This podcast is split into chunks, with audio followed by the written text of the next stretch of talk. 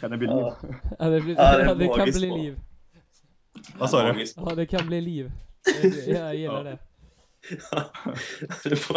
Vänta dig bli given för våldtäkt. Är för jävla bra.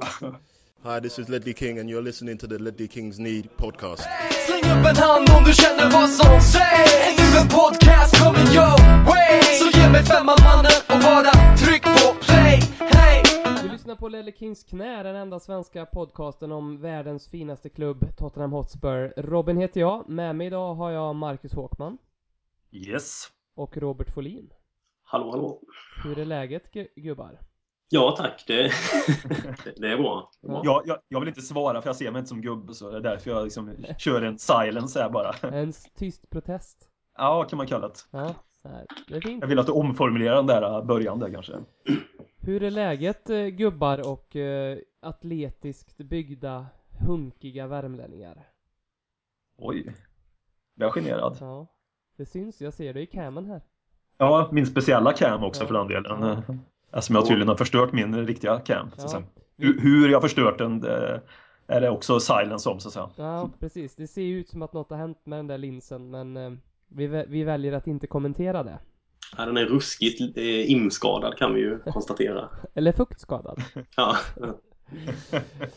Vi kommer att stilla Spurs-hungern där ute idag med att återleva minnena från den här härliga öppningsmatchen och vi precis vunnit. Som... eh, På tal om, fukt, ja, på tal om, fukt, på tal om fuktskador kanske. ja, precis. Den Efter avslut... den inledningen så blev det också kanske lite fuktskador runt omkring. Ja, och med avslutningen också. Den avslutades som, som ett hederligt samlag med liksom en härlig klimax i slutet. Så att det, kan ha varit en del fuktskador där med kan jag tänka mig. Absolut. Sen ska vi såklart blicka framåt lite mot uh, helgens eh, möte med Harry Redknapp igen och eh, det som matchen mot Limassol, det cypriotiska laget som, ehm, som vi möter i, i kval till Europa League. Ehm, och så avsluta med de här lite udda och knasiga lyssnarfrågorna som vi har eh, fått in också tänkte jag. Först då, när eh, Erik Dyer, när han gjorde den här Paul Stalteri, Gareth Bale-grejen i 93 minuten, bara hur kände ni er då? Jag, Ja, jag, ja. det, jag tänkte, jag tänkte första kolla efter det, det måste vara offside, var min första tanke. Så jag jublade inte förrän typ två sekunder efter målet, om däromkring så att säga. Så, Ja. ja. Kan du beskriva ditt jubel? Eh, ja, jag, jag gick ju 50 meter ungefär ut på balkongen och bara vråla högt och tydligt. Så eh, ja, det var väl någon som utgick med hunden där nedanför såg jag som tittade upp, men det får jag väl ta. Jag eh, avnjöt det målet hemma på Cirkön. Denna fina ö i de småländska skogarna och sjöarna. Så det var väl bara ett gallskrik egentligen som skrämde hunden och eh, fick fart på, på pappa. Mm. Eh, Men jag tror varken jag eller det var lite som Håkman sa att eh, man var väl helt eh, säker på att det var offside först. Mm. Och för, först undrade jag så här, vem är det egentligen? Eftersom det var Ja. Kane som slog bollen och jag trodde det var Kane som fick bollen. Och Mm. inte ens Harry kan väl göra sådana grejer. Mm. Ehm, och sen när man insåg att det var Dyer så ganska snabbt så tänkte jag så vad fan gjorde han där uppe? Vår käre mittback, eh, turned högerback, turned världsklassanfallare där på, Mm. på eh, några minuter. Ja, det var fantastiskt kul att det var just han som gjorde det också. Firandet, jag har kollat på firandet hur många gånger som helst. Det är, det är, det är ett underbart firande borta med fansen där. Ja, det, är ju- det är ett episkt ögonblick när de firar på det här sättet. Det blir ju speciellt också just att vi efter förra säsongens tre jävla debacle mot West Ham att få avgöra på det slutet på Upton Park som vi har en vana av att göra. Det kan väl knappast vara få lag som vi har avgjort så ofta mot Mm. i slutet som West Ham, just på bortaplan också. Mm. Det är liksom är helt underbart. Jag tänkte bara med, med Erik Dyer. Jag blir ju nästan, egentligen ska ju matchen sluta 0-0 för han ska ju inte vara där uppe. Vad fan håller han Nej. på med egentligen? Nej. Det är ju det är en provocerande löpning. Ja. Det hoppas vi inte får se i fortsättningen. Jag lyssnade på en annan eh, engelsk podcast som, eh, jag vet inte hur jag hade agerat då, men en, ett brittiskt fan, han var ju på matchen, men han, så hade han fått biljett i West Ham-klacken. Och så tänkte tänk att sitta i det ögonblicket i West Ham-klacken liksom. Vad fan, va, kan, man, Ja. kan man tygla sig då liksom? Det, alltså det måste ju vara en brittisk ådra för att de är så inställda på att de inte får jubla på bortaplanerna. Ja. Alltså, för jag hörde också på, på den här historien när jag satt och cyklade då. Ja. Eh, och att lyckas lägga band på sig där och då, för det är liksom vissa mål i vissa lägen går ju inte att kontrollera. Det är ju Nej. såna här, det är ju såna här tillfällen som gör en man, man får bekräfta varför man är supporter så att säga. I Ja. all jävla oändlighet så är det ju mest stunder på bekräftat. Så det är ju helt otroligt. Jag hade nog personligen aldrig kunnat lyckas hålla band på mig själv. Det tror Nej. jag inte. Jag, jag, jag, jag, tycker, jag tycker inte att han räknas som supporter för att han lyckas lägga band på sig själv där. Nej. Jag tycker det, Är du, jag tycker det är lågt. Ja, det- kan, man, kan man kontrollera sina känslor sådär gällande sitt lag, då är frågan, är man supporter då eller inte? Det, Mm. ja. Ja, för mig Ja, men just- ja, men just det där specifika. Man gör ett mål i 93 minuten som det ändå blir också. Ja. Mot West Ham borta i ett derby. Inte för att vi hatar ju bara Arsenal visserligen. Men ändå skönt att dänga West Ham efter, eh, Mm. Efter förra året. Det, är alltså, det, det är helt rätt. Mm. Han ska ju inte, vad fan, ta av dig Tottenham-halsduken, sätt på dig någon Leighton Oriental-stuk istället i fortsättningen. Vad, Folin då? Vi fick en fråga här från Niklas Björn som tyckte att eh, Dyers eh, debut var helt okej. Vad Tror du hans speltid kommer att fortsätta? Eh, ja, jag tycker väl han gjorde bra ifrån sig. Speciellt med tanke på hur lite erfarenhet han har av Premier League. Och eh, att börja alltså, göra sin Premier League-debut i en sån här match på bortaplan mot West Ham som i princip det enda de kan göra är att lyfta in bollar mot sina tunga anfallare. Det kan ju inte varit helt lätt heller. Jag tyckte han gjorde det, klarade av det med, med väl godkänt. Alltså. Mm. Eh, Och det, känns, det hade känts ju ganska hårt att bänka honom inför eh, matchen mot Queens Park Rangers. Så jag tycker ju definitivt han ska spela även nästa match. Mm. Eh, Vad säger du Håkman? Ja, jag är jätteimponerad av debuten. Eh, Han kommer in, han har ju ändå gjort ett x antal matcher i Sporting Lissabon som är en, det är en bra klubb.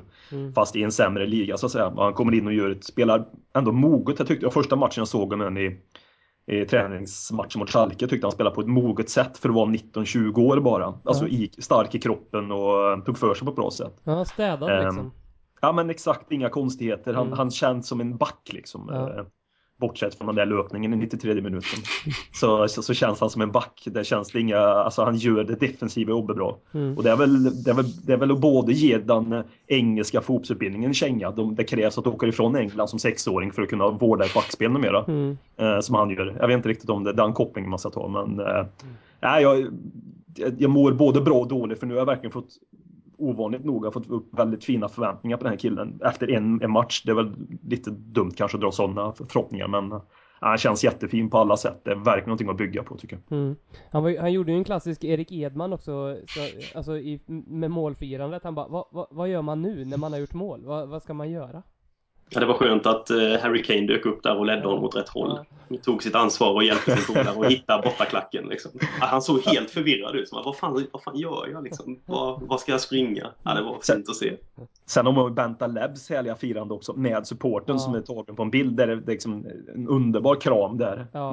Man mellan de två. men där då- Benta Leb verkligen bjuder till på kramen ser ut som inte att han skjuter bort honom på något sätt. Nej men det är äkta liksom.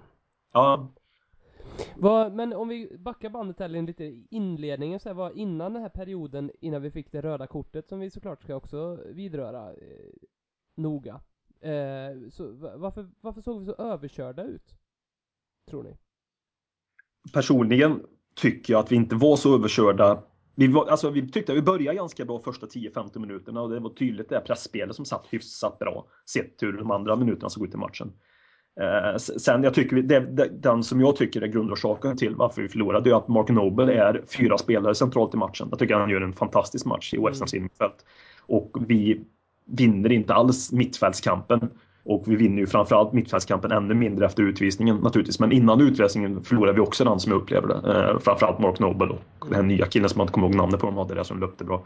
Mm. Ehm, så det är väl grundorsaken. Sen tror jag inte att spelet riktigt sitter kanske. Sen hörde jag någonstans att Southampton förlorade sina båda matcher mot West Ham förra året. Jag tänkte då på att Pochettinos spelsätt kanske inte riktigt funkar mot den här stereotypiska brittiska fotbollen med att slå in bollarna och allting det där. Ingen Intressant. aning. Det är jävligt Ja. intressant. Mm. Ja, För det var väl mycket det vi hade problem med också i första halvlek. Det var väl ett antal ganska farliga nickskarvar som lika gärna kunde ha ramlat en halv meter åt andra hållet och då hade de gått i mål. Mm. Eh, Så det var väl det vi hade problem med. Vi fick ju en hel del inlägg från eh, väl båda kanterna. Kanske några fler ifrån vänsterkanten. Mm.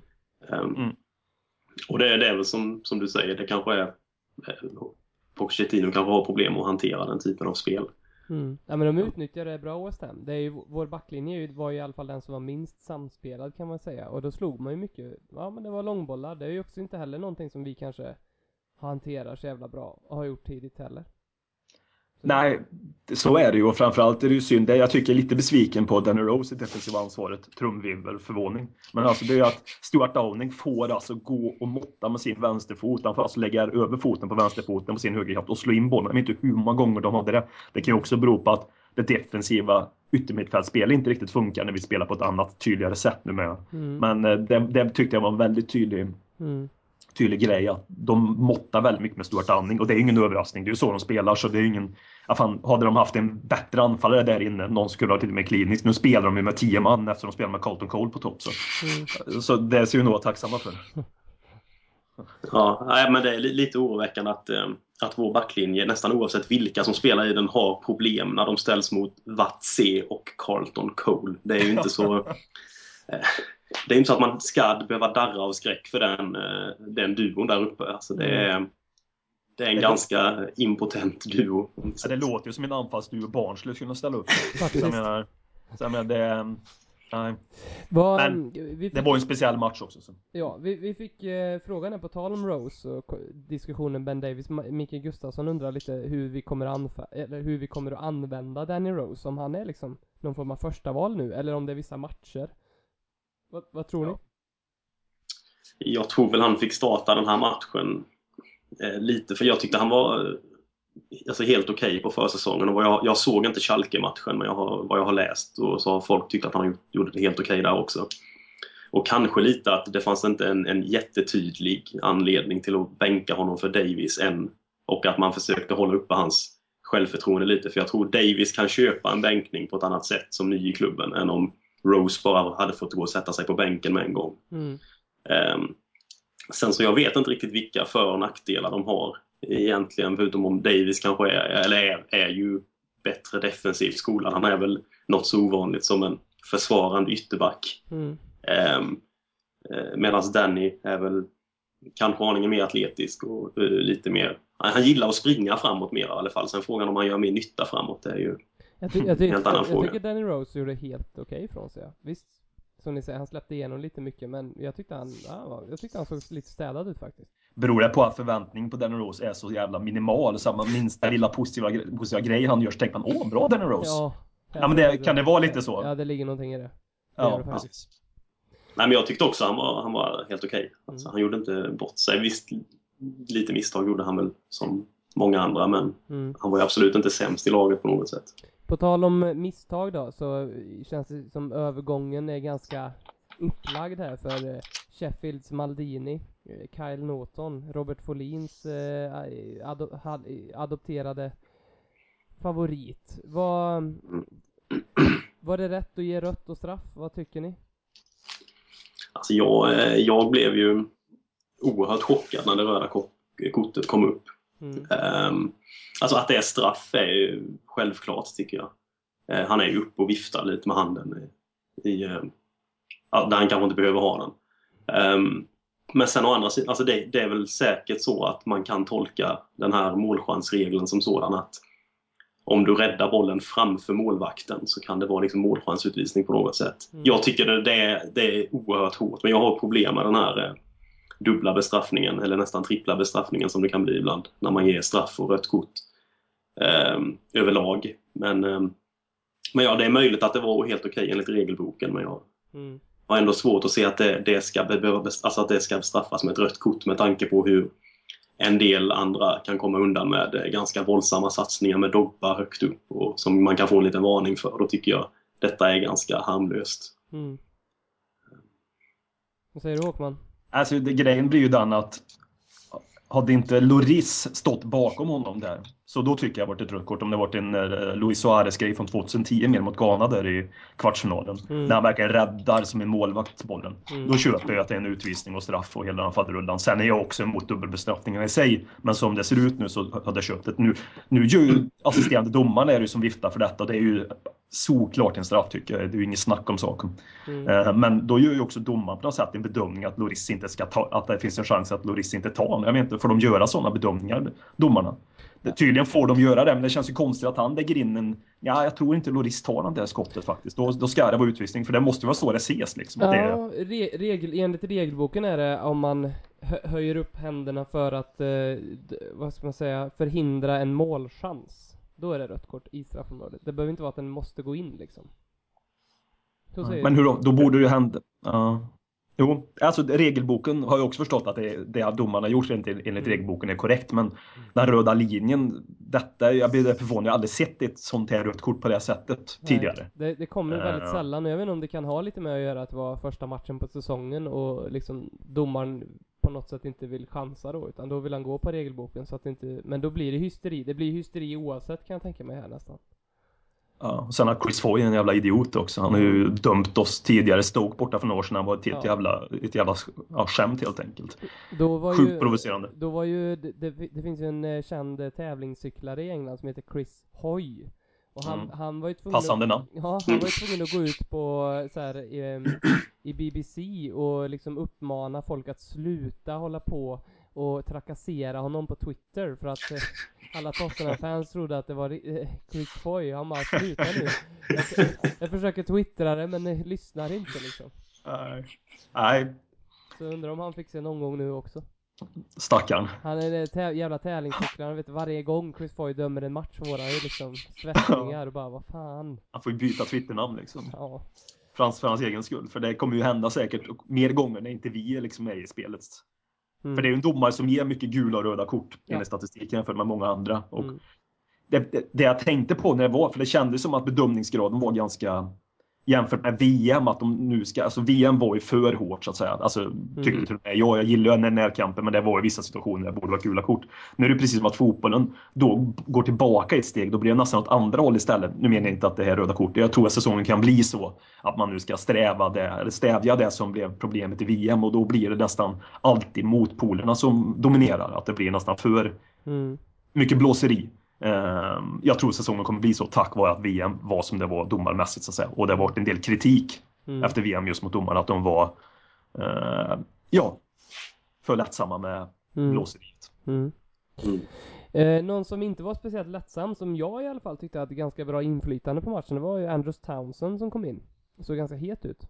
Vad, vad tycker ni om hans inflytande? Borde han spela från start mot QPR rent utav nästa vecka? Jag, jag, anledningen till att jag säger det här är för att jag jag kan titta på Lamela och så tycker jag lite att så här, han försöker lite för mycket. Och Ja. han har blivit Mm. väldigt upphypad och han har talang men kanske behöver tas ner lite på jorden för jag tycker att Townsend bidrog mer till den här matchen på ett positivt sätt än vad Lamela gjorde. Mm. Ja, absolut. Ehm, Det, jag tycker Townsend ska starta mot Queens Park Rangers. Och jag håller med som du säger också i att eh, eh, Lamela, jag tror han vill eh, han vill oerhört mycket. Mm. Eh, men är inte helt säker på hur han ska, ska göra det. För det är mycket sådär lite översteg, översteg, rulla bollen, rulla bollen lite. Sen så är han så pass nära sin försvarare så att jaha, vad fan ska jag göra nu? Och då blir det av med bollen. Eller någon halvtaskig passning i sidled. Som, det var väl flera sådana han bjöd på Ja. i första halvlek som kunde blivit väldigt farliga omställningar. Mm. Ehm, Jag tror inte det går obemärkt förbi för Pochettino för han är väl ganska bevisligen en eh, rätt, eh, ja, detalj han följer upp väldigt mycket på detalj, så att jag kan tänka mig att, det, att vi får se lite effekt av det här. Om inte det är så liksom att Tottenham, den, via Daniel Levy på något sätt har sagt att ah, men nu har det här var fan varit vår dyraste värvning hittills, nu får du fan få igång han liksom. Låt han spela. Mm. Men det känns ju som man ska uppfinna hjulet varje gång han får bollen. Han ska Ja. göra så svårt för sig som möjligt och ta, han, liksom, fatta de enkla, enkla besluten ibland. Alltså, hi, titta lite grann ut på kanten, men han, han söker och så går han och sular bollen hela tiden. Och han, har, han tar ju alldeles för många bolltouch Mm. för att för att passa i, i den engelska ligan jämfört kanske med Serie A. Och det är ingen diss mot Serie A, det är ju ett annat tempo liksom. Mm. Och, men han, är, han vill för mycket varje gång han har bollen. Alltså, bara spela lite basic. Sen tror jag också spelar in att jag tror någonstans eh, utifrån vad jag läste lite grann det här att Soldado kan funkar bättre ihop. Eh, nu ska han ju spela bättre trots att han spelar med Adebayor. Alltså de har det mer linkat de två emellan. Eh, men jag tror också att Soldado kommer göra övriga offensiva spelare bättre. Mm. Eh, för att han är en annan typ av spelare som passar i detta spelsystemet. Mm. Mm. Vad, Så fuck Adebayor. fuck Adebayor. det är hans fel allting. Mm. Det är Allt Adebayor som har förstört Lamela. Nej men han behöver ju Adebayor har, stört, fo- Adebayor har förstört fotbollen. Han, men han behöver ju Lamela Det behöver gå lite bra för han nu för att snart kommer det börja bli att och då står han där och, och tafsar på bollen och så kommer han bli av med den helt plötsligt. Och då kommer, de, då kommer det bli liksom att, ja men han har mer respekt för försvararna än vad de har just nu för honom liksom. Och så, så kommer han Mm. bara vara något man skrattar åt. Liksom. Nya Sergej Rebrov. Äh, fy fan. Ja, dubbelt så dyr. Christian Eriksen då, vad, vad funkar han eller? Vad, vad säger ni? Han, han var värdelös också tycker jag. Mm. i den här matchen. Hans passningsspel satt inte alls som det skulle och det, det tyckte jag. Alltså, han, han kom i många lägen när han skulle, skulle ha satt bättre passer på, pass på djupet, men de, de hamnar hela tiden i West Ham fötter så att säga. Mm. Upplevde den här matchen. Mm. Och eh, ja, alla kan ju ha en dålig dag, men eh, han, enligt som jag, som, som jag ser det så gjorde han ingen bra match alls i Eriksen. Mm. Såg ni förresten hur, eh, hur eh, chockad eller förstörd han såg ut när den här West Ham-fanet som tog en Ja. 80 yards löpning sköt bollen och Eriksson bara tog sig för huvudet som att Ja. åh nej, vad händer nu? Jag förstår inte vad det var riktigt som var så oerhört. Nej men undrar, undrar om han liksom trodde att, ja men det här betyder att frisparken har slagits nu liksom. Ja, jo. Han trodde det var någon annan. Så. Eller så var det att, för det där var ju vårt första skott på mål i Premier League säsongen 2014 Att han bara, nej jag vill ju ha det. Det, det roliga var att West Ham-supportern sköt för en bättre frispark också. Ja, än det vad Christian gjorde Eriksen gjorde. Det var ju faktiskt riktigt gillat.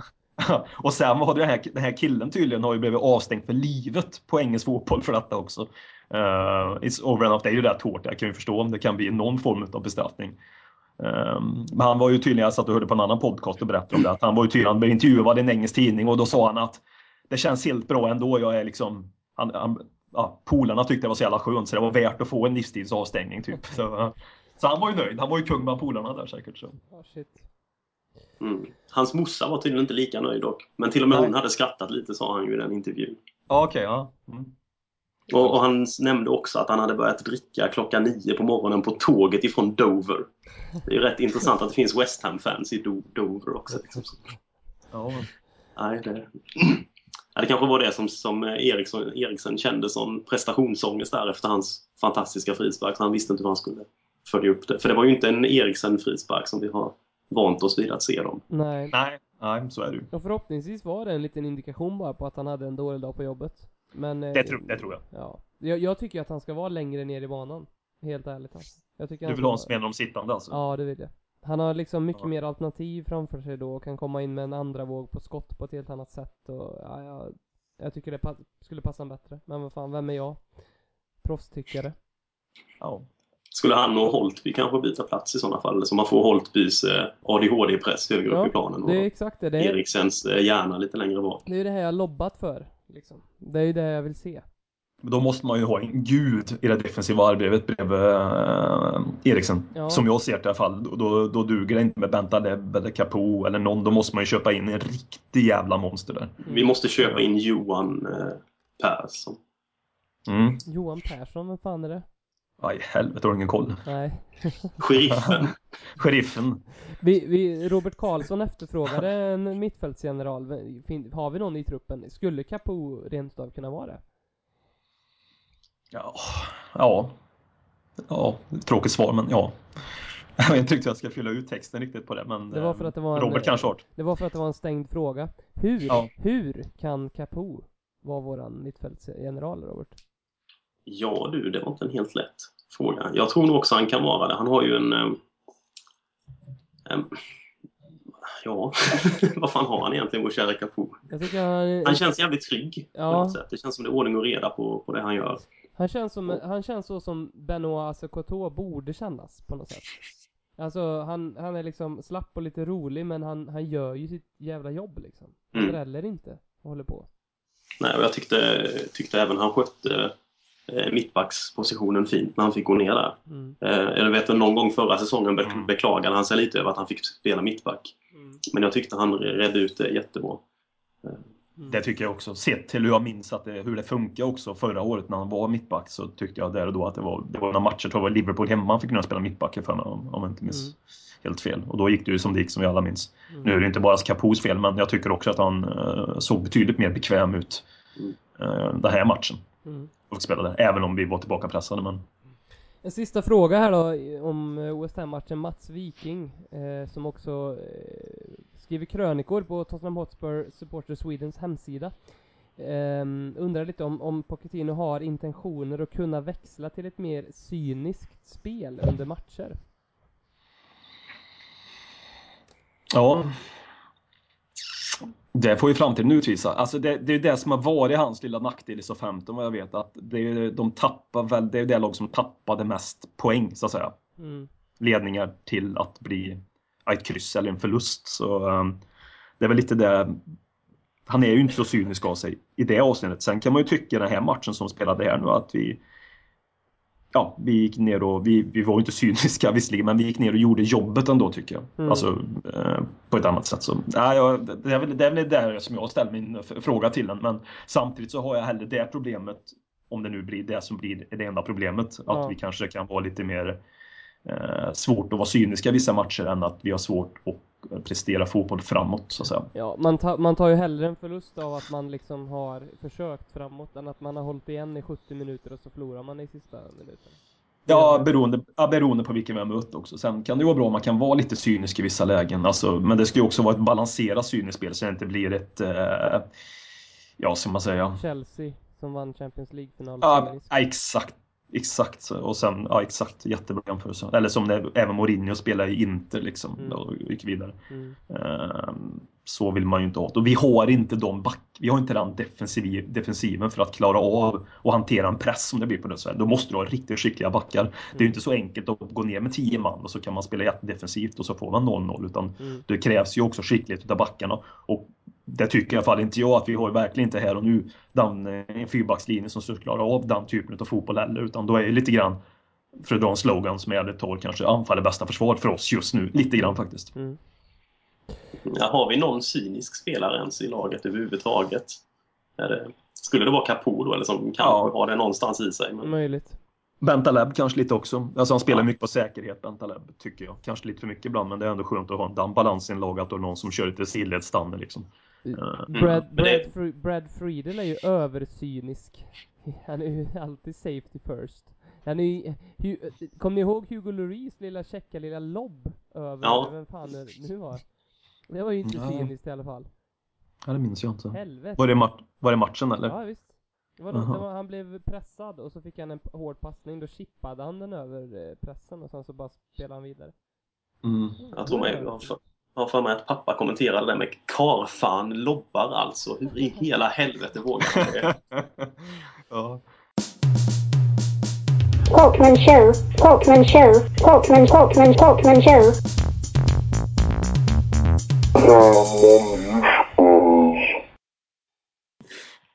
Yes! Årets första Håkman Show tänkte jag tillgängliga en nominering. Jag avslutar inte med någon nomineringar, jag börjar med nominering. Mina förväntningar på vissa spelare, vad de ska kunna prestera och vad jag hoppas vad ska kunna hända under säsongens gång.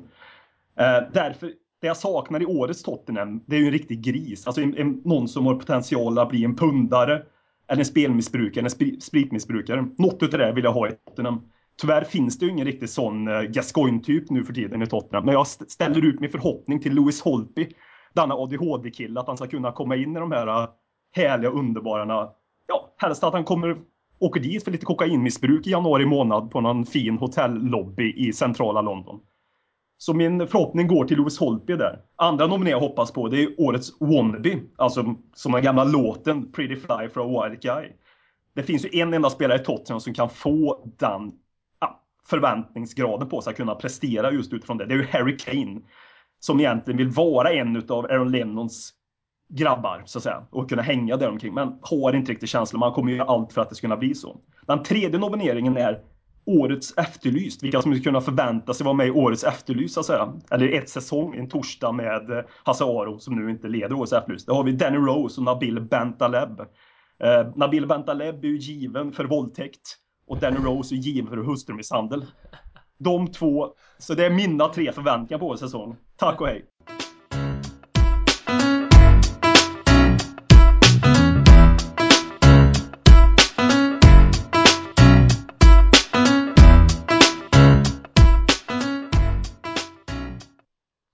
Du lyssnar på Lelle Kings knä, den enda svenska podcasten om världens finaste klubb, Tottenham Hotspur. Det har blivit dags att möta eh, Limassol och Q- Queens Park Rangers, QPR. Jag tänkte vi kunde slå ihop snacket lite inför de här två matcherna. Jag vet, eh, Folin, du har lite koll på Limassol, vet jag.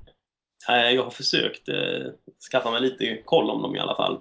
Eh, och det är ju ett eh, litet fint cypriotiskt lag som eh, förra säsongen, om jag förstod det hela rätt, kom eh, på andra plats i den cypriotiska ligan. Men de, eh, de jobbar ju med någon jobbig eh, slutspelshistoria därvid så att efter halva säsongen eller någonting så delar man upp ligan i två, tre olika grupper och sen spelar de, de, i, de sex första i någon slags Champions-grupp. Och där i vilket fall så, eh, så kom Limassol tvåa och fick möta, eh, vad är det de heter, AEL heter de va, det här cypriotiska eh, laget. Från Lar- Larnaca kanske? Enda anledningen till att jag kunde Larnaca är för att jag varit där och druckit öl. Jag tänkte, Ja, jag tänkte komma med så alla britter borde känna till det, att de har varit nere och supit och liksom dragit in uh, Rohypnol i tjejers drinkar liksom. Jag, jag känner mig så träffad. ja men svenskar också för den delen, Cypern. Ja. Nej för fan, Akel, det är ju det här kommunistpartiet jag har hittat grejer om. Vad fan heter de? De heter väl AI? A, A, A, A, A, Poel? Hur fan uttalar man det? Apoel. Ja.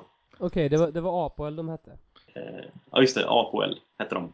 Och eh, då den eh, 17 maj i år så eh, spelade de eh, den avgörande matchen. Eh, Limassol och APL. Och efter 52 minuter så fick de avbryta den här matchen för då hade en, eh, en Limassol-supporter slängt in en eh, smällare på planen som skadade en eh, av motståndarspelarna. Så då eh, blev matchen avbruten och de spelade om matchen. Eh, där Apoel vann med 1-0.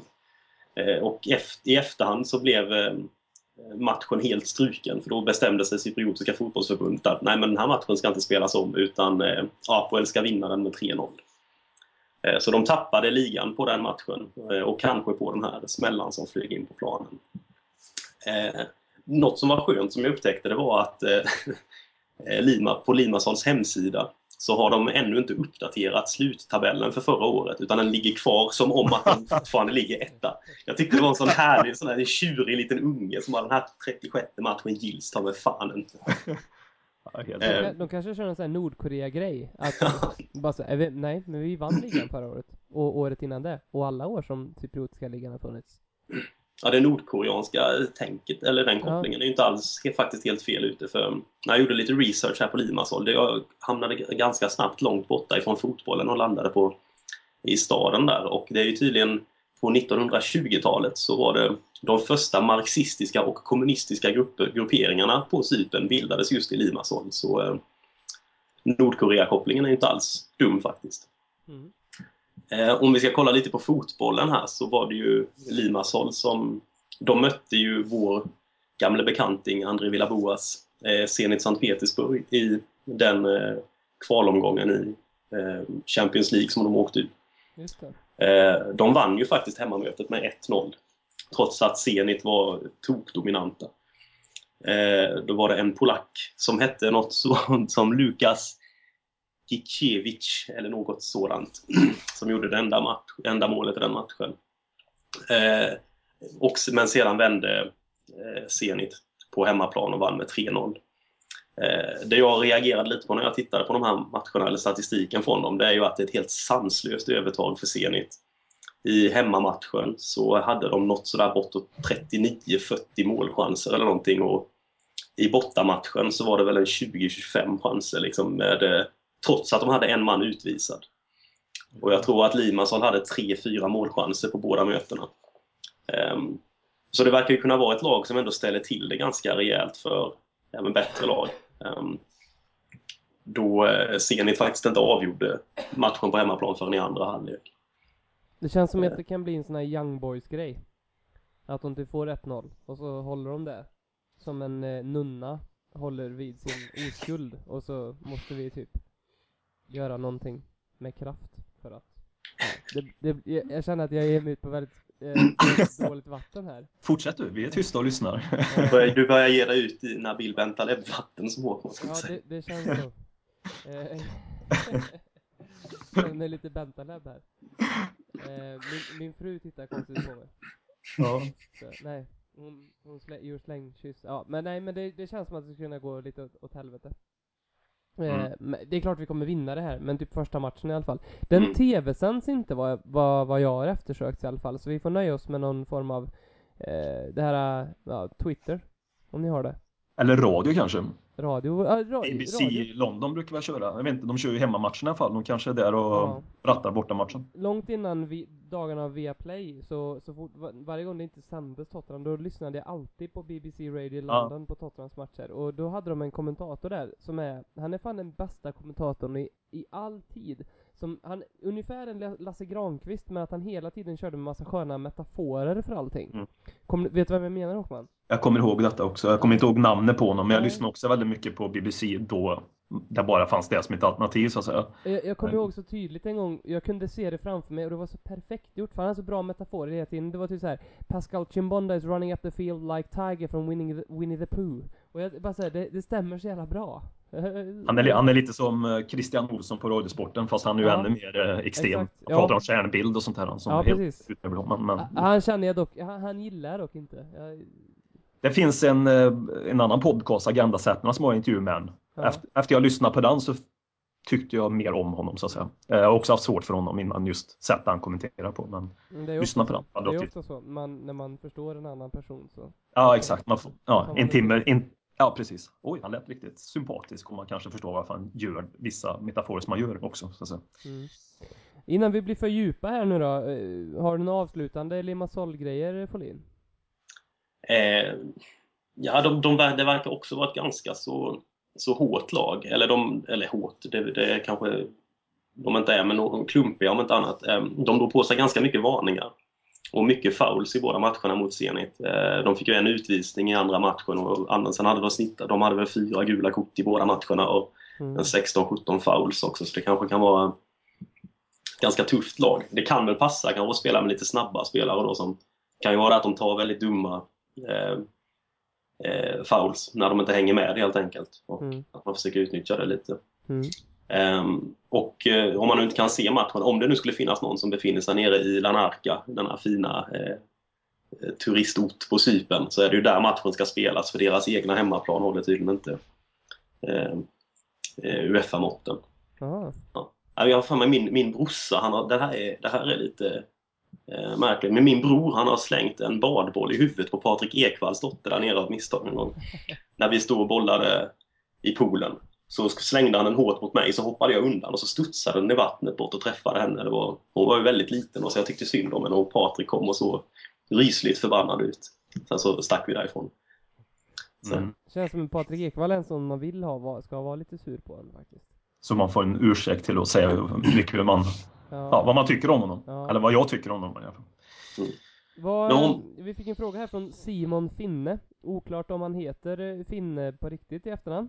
Så kanske han gör det, eller så är han Finne. Eller så har han haft väldigt många finnar. Men han skrev säga vi verkar vara underskattade här nu. Nu pratar jag mot QPR här. Kanske inte mot just mot QPR, men det är inte så många som pratar om Tottenham just nu. Och hur ser vi på det? Vad, vad, vad, vad, liksom, vad ligger förväntningarna på oss just nu inför de här kommande? För vi har ändå QPR, sen har vi Liverpool, Arsenal ganska snart runt hörnet liksom. Mm. Ja, alltså eh, QPR ska vi ju slå. Eh, Sen är jag lite orolig för att det vi var inne på förut där med att eh, vi blir nog räddade till viss del att West Ham körde med Carlton Cole. QPR kommer ju inte köra med den typen av anfall. De har ju Lorica Remy som jag tycker är en väldigt fin anfallare. Om man nu får starta, det antar jag att han får göra. Så att. Mm. Eh, Men QPR ska vi ju slå alltså på hemmaplan. Jag tror också att vi gör det. Sen om man ser förväntningen överlag så tror jag väl att det är väl skönt för oss att kanske ligga lite i vassen och lura och inte ha den här enorma pressen på oss. Det måste bli Champions League som det var de senaste åren. Mm. Eh, Jag tror vi som supporter, i alla fall jag som supporter, mår mycket bättre utav det rent mentalt. Så att, säga. Mm. att lördagarna inte blir lika mycket ångest Mm. som det varit de senaste åren, för mig. Mm.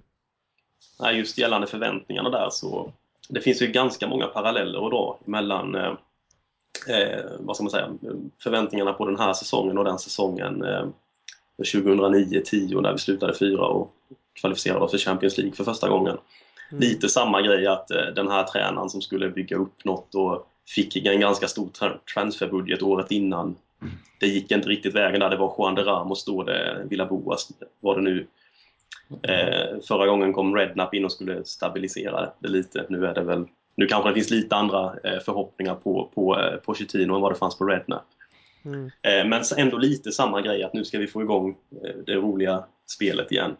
Mm. Även på värvningsfronten är det ju inte så. Den säsongen när vi slutade fyra där, vi köpte ju in liksom Peter Crouch, som ju i och för sig är ett geni på alla sätt. Och Nico Kranjca kommer in också, en oerhört vacker spelare. Sen var det liksom Sebastian Besson och eh, sen var det ju Norton och Walker också som kom in. Men det var ju inte sådär jättesatsningen då. Och det slutade ju ändå rätt väl när de här spelarna vi hade plockat in tidigare, Modric, eh, Gomes till en viss del får man väl säga och eh, Oj. andra kom in i det. Mm. Ja, men det är mycket riktigt eh, den parallellen delar jag också. Och när vi drar den parallellen så har vi ju nu skruvat upp förväntningen också kanske. Mm. Nu blir det på 9-10. Mm. Ja, nu vinner vi ligan. Exakt, exakt. En annan liknelse man kan dra, eh, som, för er som gillar ockulta ting och saker relaterade till detta, det är ju att den säsongen 2009-2010, då hade vi gula, gult på hemmatröjan, det har vi nu också. Eh, och det har vi aldrig haft förut. Vi har ju bara haft gult på, i, i bortatröjorna, det var första gången. Och en annan grej är att första matchen på säsongen avgjordes av en ny, nyinköpt mittback. För det gjorde den sen också 2009-2010. Sebastian Bassong mot Liverpool. Och nu Erik Dyer. Så det finns ju lite spooky stuff där ute för er som gillar mindreading och Ja. tarotkort och... Och den säsongen slog vi också West Ham på bortaplan i en av de andra matcherna eller någonting va? Det, Eller vad var det? det trappar upp. Ja, och eh, vi mötte eh, Hull och Birmingham och visst nu möter vi Queens, Queens Park Rangers som också är en nykomling. Det var båda de då. Mm. Ja, det är... Det är klart. Ja, det är ju fan klart. Det är bara, vi säger det till alla som lyssnar. Ta alla besparingar ni har och bara sätt det på att Tottenham kommer komma topp 4. Alltså, vi har ju läst. Vi har... Tarotkorten har vi lagt ut nu så det är bara att... Vi har, Precis. vi, koden är knäckt. Ja. Ja. Men vad, okej, Louis Remy är vi lite rädda för. Såg ni någon, jag såg bara på Match of the Day sammanfattningen på QPR Hall. Och då verkade det lite som att man spelar 3-5-2. Eh, med Rio Ferdinand. Det, är ju, det här känns ju bara som att Harry Redknapp vill så här, häng, get with the times lite och så här. Ja men 3-5-2 ska tydligen vara inne nu, det kör vi liksom. Och så, men han tänker ju lite rätt ändå, för han placerar ju ändå där. Han vill ha Steven Corker och Rio Ferdinand. Jag, och nu har han Richard Dunn då, världens sämsta mittback genom alla tider. Man tänker lite spännande tycker jag faktiskt ändå. Jag vet inte Ja. Ni Alltså det med Rio Ferdinand-värvningen känns ju som återigen av Harry Redknapps kanske svaghet som tränare att han värvar Mm. buddies på, säga något sätt utan han går väldigt mycket på vad de gjorde för x antal år sedan. Rio Ferdinand, det är ju han också som gör missen i markeringsspelet till eh, James Chester när han nickar in bollen för Hall där. Eh, så nej, jag är 3-5-2. Jag har alltid varit en förespråkare till 3-5-2, eller alltid, men jag gillar det när Tottenham börjar spela 3-5-2 med Glenn Hoddle. Mm. Eh, Men det är, ju, det är också en system som är, du måste ju ha wingbacks så att säga, som är så jävla bra för att det ska funka liksom. Och det är ju frågan om eh, de har det i QPR och sen är ju frågan om den trebackslinjen oavsett om de har tre backar. Det, om, de har ju knappt, de här tre backarna har ju inte spelat så mycket trebackslinje innan.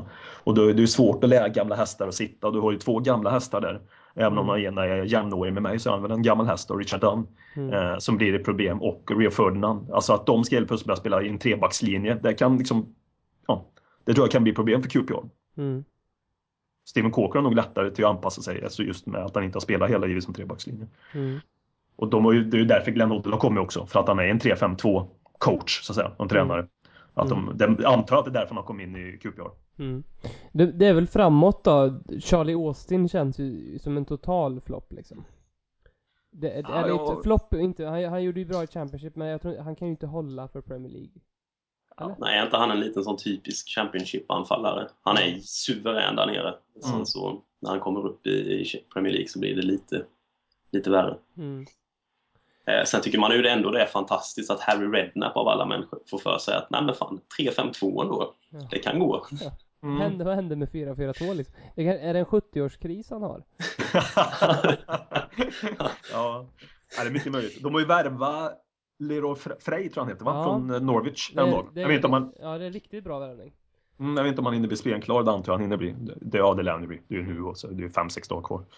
Eh, så det, det, är ju- där har de ju verkligen stärkt upp det centrala innermittfältet då. Han och Joey Barton. Så de, det är ju tungt lag alltså. Alltså rent på pappret för mig, när jag ser namnen så är det ju så är det ju det bästa nykomlingslaget rent papper. Men sen tror jag inte att det är det bäst balanserade. För jag tror återigen 3-5-2 passar inte att spela med två sådana gamla uvar som Richard Dunn och Rio Ferdinand. Jag tror inte de kan ställa om sig till det, till att spela en trebackslinje. Liksom. Mm. Har han lagt bud ännu på Scott Parker förresten? Harry Redknapp. Det Det känns som en klockren eh, Redknapp-värvning också. Ja, Ja. Michael Dawson också. Ja. Ja, Ja, Han, det vill vi ju inte, det vill vi ju inte det känns ju som att han inte. borde ta Tom Carroll på lån också. Men det kanske är att vi vill inte låna ut i samma liga kanske. Men det borde ju, vore ju bra för honom. Ja, Mm. vi måste ju kunna låna ut. Alltså vi- jag förstår ju om vi hade haft spelare som vi inte ska låna ut till sådana vi konkurrerar med. Liksom. Men QPR konkurrerar vi ju inte med i, i tabellpositionsmässigt så att säga. Under en säsong. Marika Russberg har skrivit på eh, Facebook Benoit alltså Koto, vad är status där? För att anknyta till någon som spelade i QPR förra året så kan vi säga att jag lyssnade på någon annan podd här med en QPR-supporter som sa att visst, han har ju mycket talang, han kan göra det bra, men det är nog ingen QPR-fan som vill att han ska återvända till klubben. Han är ju rent utav liksom en idiot, han är lat och han har hamnat i trubbel i QPR och vart han än är liksom. Så han är väl i någon form av ingenmansland, eller vad kan vi säga? Ja, ja, det verkar som om han är helt eh, utfryst från Tottenham. Eh, jag var inne idag och tittade på, på spelarprofilerna på hemsidan och han är ju den enda som inte har, liksom, har fått en ny bild i nya stället där. Så han verkar inte ens vara i, på anläggningarna. Och det, jag läste något rykte någonstans nu om att han skulle att Tottenham skulle låta Benny gå eh, på free transfer. Liksom. De ville bara låta honom gå till vilken klubb han ville gratis utan att ta något för det. Mm. Så någonting verkar han ju ha ställt till med. Är det någon, har någon av er koll på vad det är? Han, eh, Han har, Är det... han har ju gjort de här grejerna i VM, men, men eh, han, var, han backade väl ändå Nicolas Anelka när han gjorde den här Canell-grejen, eh, som är en liten påstådd antisemitisk hälsning. Jag är inte insatt på den grejen, men det, det kan ju inte rimma speciellt bra i en judisk klubb när man gör sånt liksom. Och det visar väl lite vad huvudlös Benoit Sukoto kan vara till stundo. nej, det är sant. Det, det känns som det är många, många små eller stora grejer, hur man nu bedömer dem, som gör att helheten har blivit väldigt fel för Asuikoto. Mm. Tror jag. Det, det händer, nu har jag inte läst så mycket att det har hänt någonting, men, eh, men det har väl hänt under de senaste två åren. Mm. Det, det är min uppfattning i alla fall och till sist har de tröttnat. Mm. nej, det är väl just eh, det, det, de ryktena man har hört på diverse så kallade ITK-forum och sådär är väl bara att han ska ha gjort någonting som, som liksom klubben inte kan förlåta honom för. Mm. Eh, och det kan, då kan det ju inte gärna vara något han har gjort mot en tränare eller någonting men en sån här sak kan vara som att han på något vis har försvarat en påstådd antisemitisk hälsning från någon eller försökt spela ner det. Det kan ju vara så att eh, Ja. i och med de här eh, det klassiska eh, vad ska man säga, förhållandet Tottenham har som klubb till den judiska befolkningen är ju, i, i London är ju ganska stark och det är inte så jättebegåvat då kanske att gå ut och försvara något sådant. Mm. Mm. Vad, vad tror vi då avslutningsvis om QPR? Vad, hur går det? Två, ja, vi vinner säger jag. Men jag- vad vi vinner med, det vet jag inte. Men 2-1, 3-1. Ja. Mm. Ja, jag tänkte säga faktiskt något liknande, samma resultat, 2 eller 3-1. Det kan nog vara en sån jobbig jäkla match att vi tar ledningen tidigt. Sen så precis efter, halv, eller efter halvtid så kvitterar QPR och håller på att göra 2-1. Och, och de missar något öppet mål och sen så på slutet på något vis så kommer någon Eriksen kanske i form igen och slår in en frispark och sen så vinner vi den då till slut. Men det kan nog bli en liten jobbig match tror jag. Mm. Jag, jag tror det kan eh, bli, jag minns så väl, för herr Redknapp, det, han har inte varit på White Hart Lane sedan han tog över. Vad tror ni där? Kommer han buas? Nej, Nej, det hoppas jag verkligen inte. Det tycker jag hade varit riktigt, eh, riktigt, riktigt lågt om han skulle bli utbuad faktiskt. Jag förstår inte. Alltså, men jag, jag vet inte riktigt om han kommer få, nu, nu kanske jag talar för mig själv, men jag tycker han förtjänar fan en, en stående ovation när han kommer tillbaka. Eh, alltså för det, okej den här Englands historien var väl klumpig av honom och han, men att, att Redknapp är en liten klumpig person i media, det är väl Ehm, Det är väl ingen nyhet direkt att han då och då kan säga saker som kanske inte alltid är jättesmarta. Mm. Men ändå, den jävla resan han tog oss på eh, var ju ändå väldigt speciell. Jag minns ju den med oerhörd eh, värme liksom. Och tycker han förtjänar att bli hyllad när han kommer tillbaka. Mm. Sen om han blir det, det vet jag inte. Mm. nej jag håller helt dåligt med. Jag, jag tror det kan bli en ganska tillknäppt historia. Jag tror att, eh, jag tror det är där Redknapp vill åka dit och göra. Eh, spela på eh, ett poäng, liksom 0-0 eller 1-1 eller någonting sånt där. Så jag tänkte mig. Faktiskt. Som man gjorde på Loftus Road, det blev väl 0-0 där i den matchen. Vi borde verkligen ha vunnit. Mm. Fy fan. Men då hade de inte Rio Ferdinand och Richard Dunn i backlinjen Det samtidigt. hade de ju inte. Ja. Mm. Mer kapabel. Richard Dunn har väl lite så här självmålshistoria mot Tottenham. I, Ja, typ mot alla tror jag.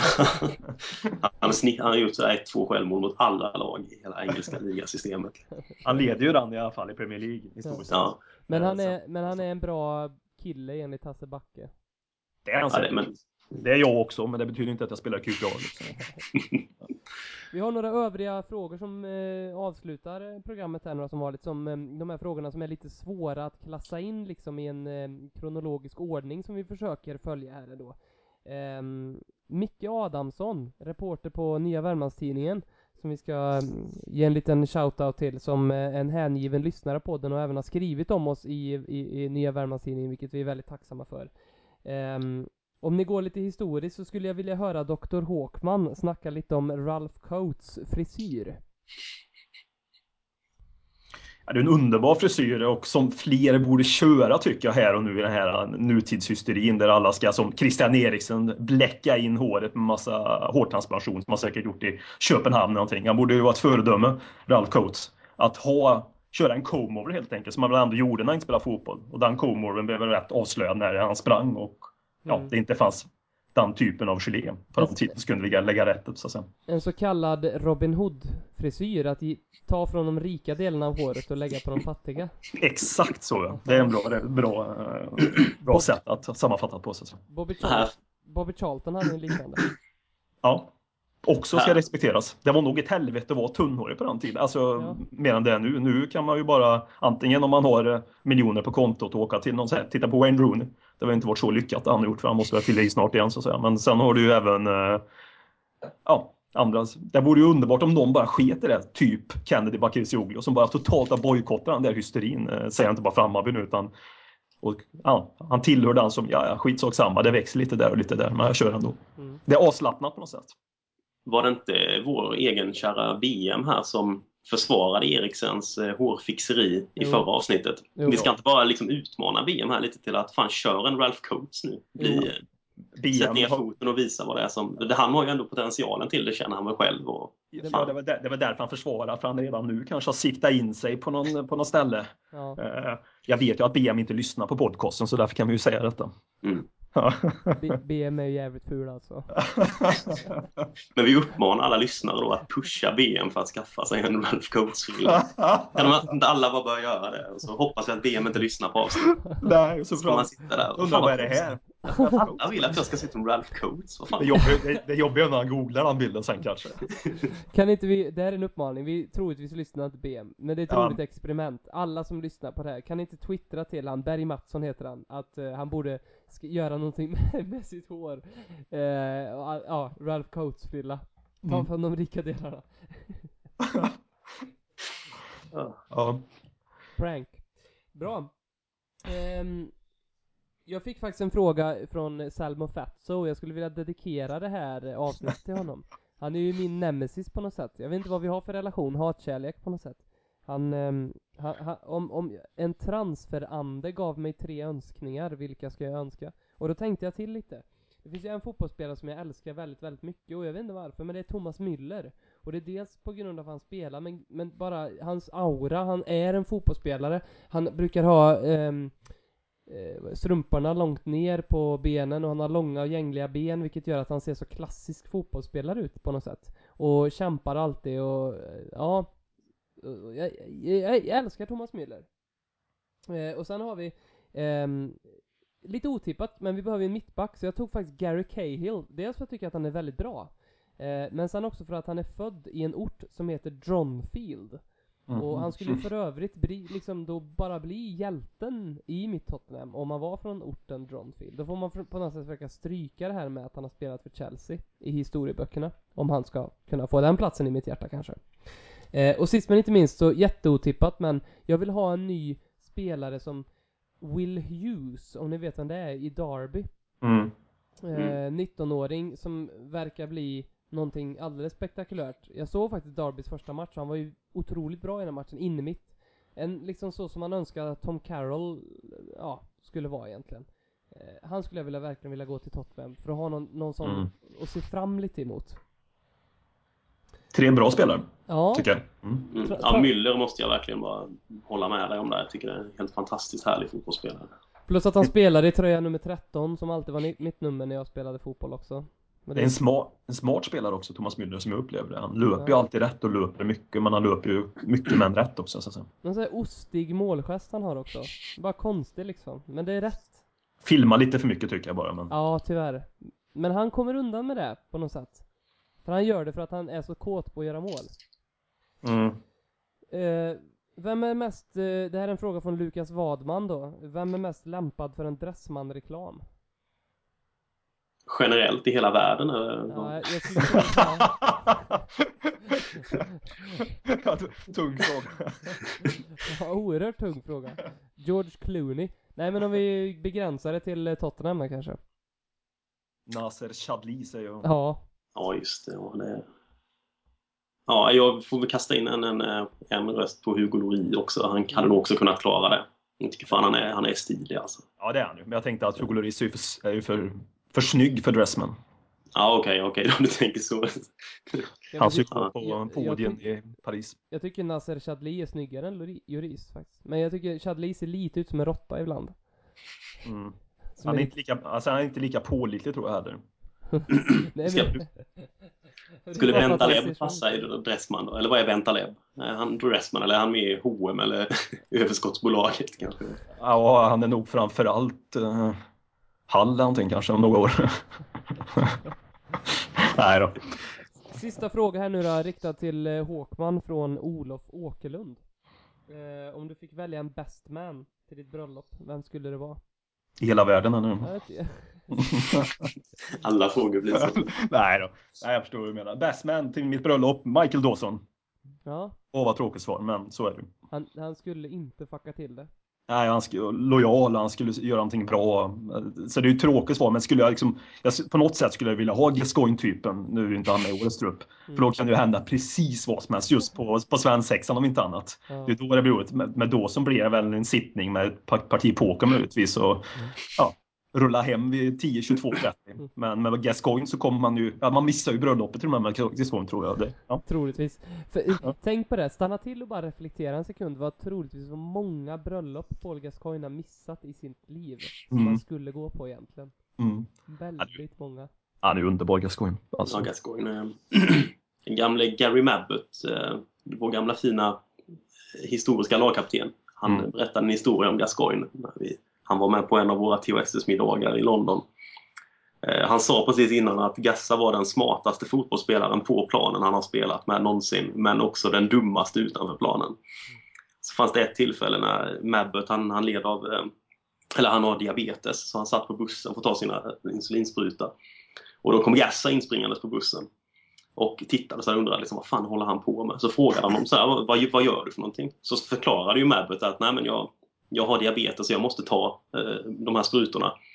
Och då var Gassa liksom, "Vad- vadå bara nu eller går det över då? Och så sa, eh, så sa Mabbott ju att nej, nej, jag måste ta dem hela livet. Och då blev Gassa tyst lite och så sa han I bet you can't wait until you die. ja, ja Gascoigne. Ja, det är ju... Man älskar ju den typen, liksom, fotbollsspelaren. Ja. Så Ja, nej, även det- utanför planen. Det är ju liksom... En hjälte på alla sätt. Mm. Ty- Men tydligen också en ganska varm och snäll person.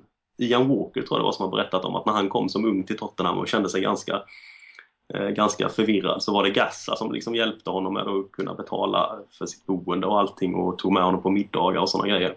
Mm. Och även hjälpte honom att utveckla lite, lite ohälsosamma dryckesvanor kanske. Men det är ju det är ofta så där med den typen av människa att du, du får hela paketet på något sätt. Du får eh, oftast, de ligger ju så nära känslolivet som Mm. Gascoigne säkert gör. Nu blir vi eh, psykolog, psykologpodden här. Men, alltså då, då får du hela, hela spektrat och det är ju det, ja, Mm. Mm. Ett Men Gascoigne-avsnitt det borde vi ha. Det är det som är så skönt med den typen, att det, det, det känns äkta på ett annat sätt. Så, säga. Förlåt mig för att jag säger det, men jag tror, ju- jag tror inte att han har många år kvar. Nej men ändå, han... Ja, nej men han, det, han kommer väl kanske inte eh, bli 85. Eller Bobby Charlton någonting sådär som säkert fortfarande gör eh, pull-ups på morgonen någonting sånt. Mm. Men han hänger ju ändå i liksom på något sätt. Han, han kör hårt en sväng och så kör han lite rehab och så faller han tillbaka på, på vagnen eller vad man nu säger. Mm. Det är fint ändå med Gassa får man säga att sådana gamla spelare som just Mabbott och även Gary Lineker som kanske på något sätt kan framstå som, alltså det verkar vara väldigt stabila människor, väldigt trygga i sig själva och lugna och, och ha ordning på allt. Mm. De två verkar ju stå Gassa rätt nära, speciellt Mabbott vet jag, det är ju ofta de två syns tillsammans på White Hart Lane, eller de gångerna Gassa har varit där så har de suttit bredvid varandra. Mm. Jag tycker det är jävligt fint på något sätt att de fortfarande kan hålla den kontakten trots alla år som det har varit sedan de spelade tillsammans. Och att det- de fortfarande verkar bry sig så mycket om honom. Det måste ju säga mycket om Gassa också som, Mm. Ja, som att han person. är, ja, precis. Att han är en bra människa också. En varm och omtänksam. Men ja, Mm. Att han är Så väldigt- all kärlek till Gassa helt enkelt. absolut. All hail Paul Gascoigne. Det får avsluta den här veckans Ledley Kings knä. Tack Bästa avslutningen ever. Ja, Ja, det var en fin avslutning. Mycket fin avslutning med väldigt stort tack får vi rikta till alla trogna lyssnare som lyssnar eh, hela avsnitt och ställer såna här bra frågor som faktiskt är, ja, får styra programmet lite grann och sen de här lite knäppa frågorna som vi gillar att få. Så fortsätt Mm. med dem också som vi kan avsluta lite grann så här med. Mm. Eh, och plugga för eh, Tottenham Hotspur Supporter Sweden ska vi också göra såklart. En förening väl värd pengarna att gå med i för det man får ut. Eh, I form av de olika träffar. Jag har ju fått träffa Ledley King, Darren Anderton, Cliff Jones bland annat. Genom dem, det är helt sjukt. Ehm, och Vad, min, vad minns du av Cliff Jones? Jävla skit. Här får får vi klippa.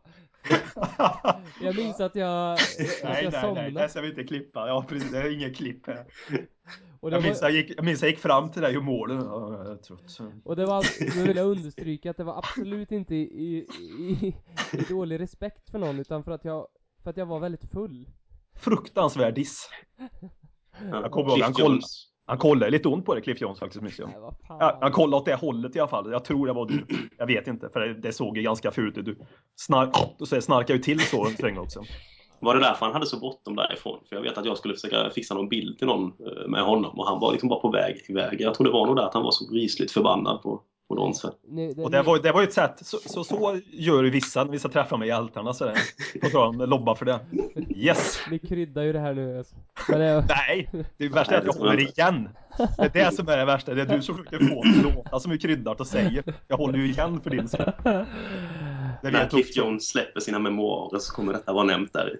det, det är ett eget kapitel som heter The Swedish Prick. Ja. Swedish basta. Ja, tack så jättemycket. Tack. Tack så mycket.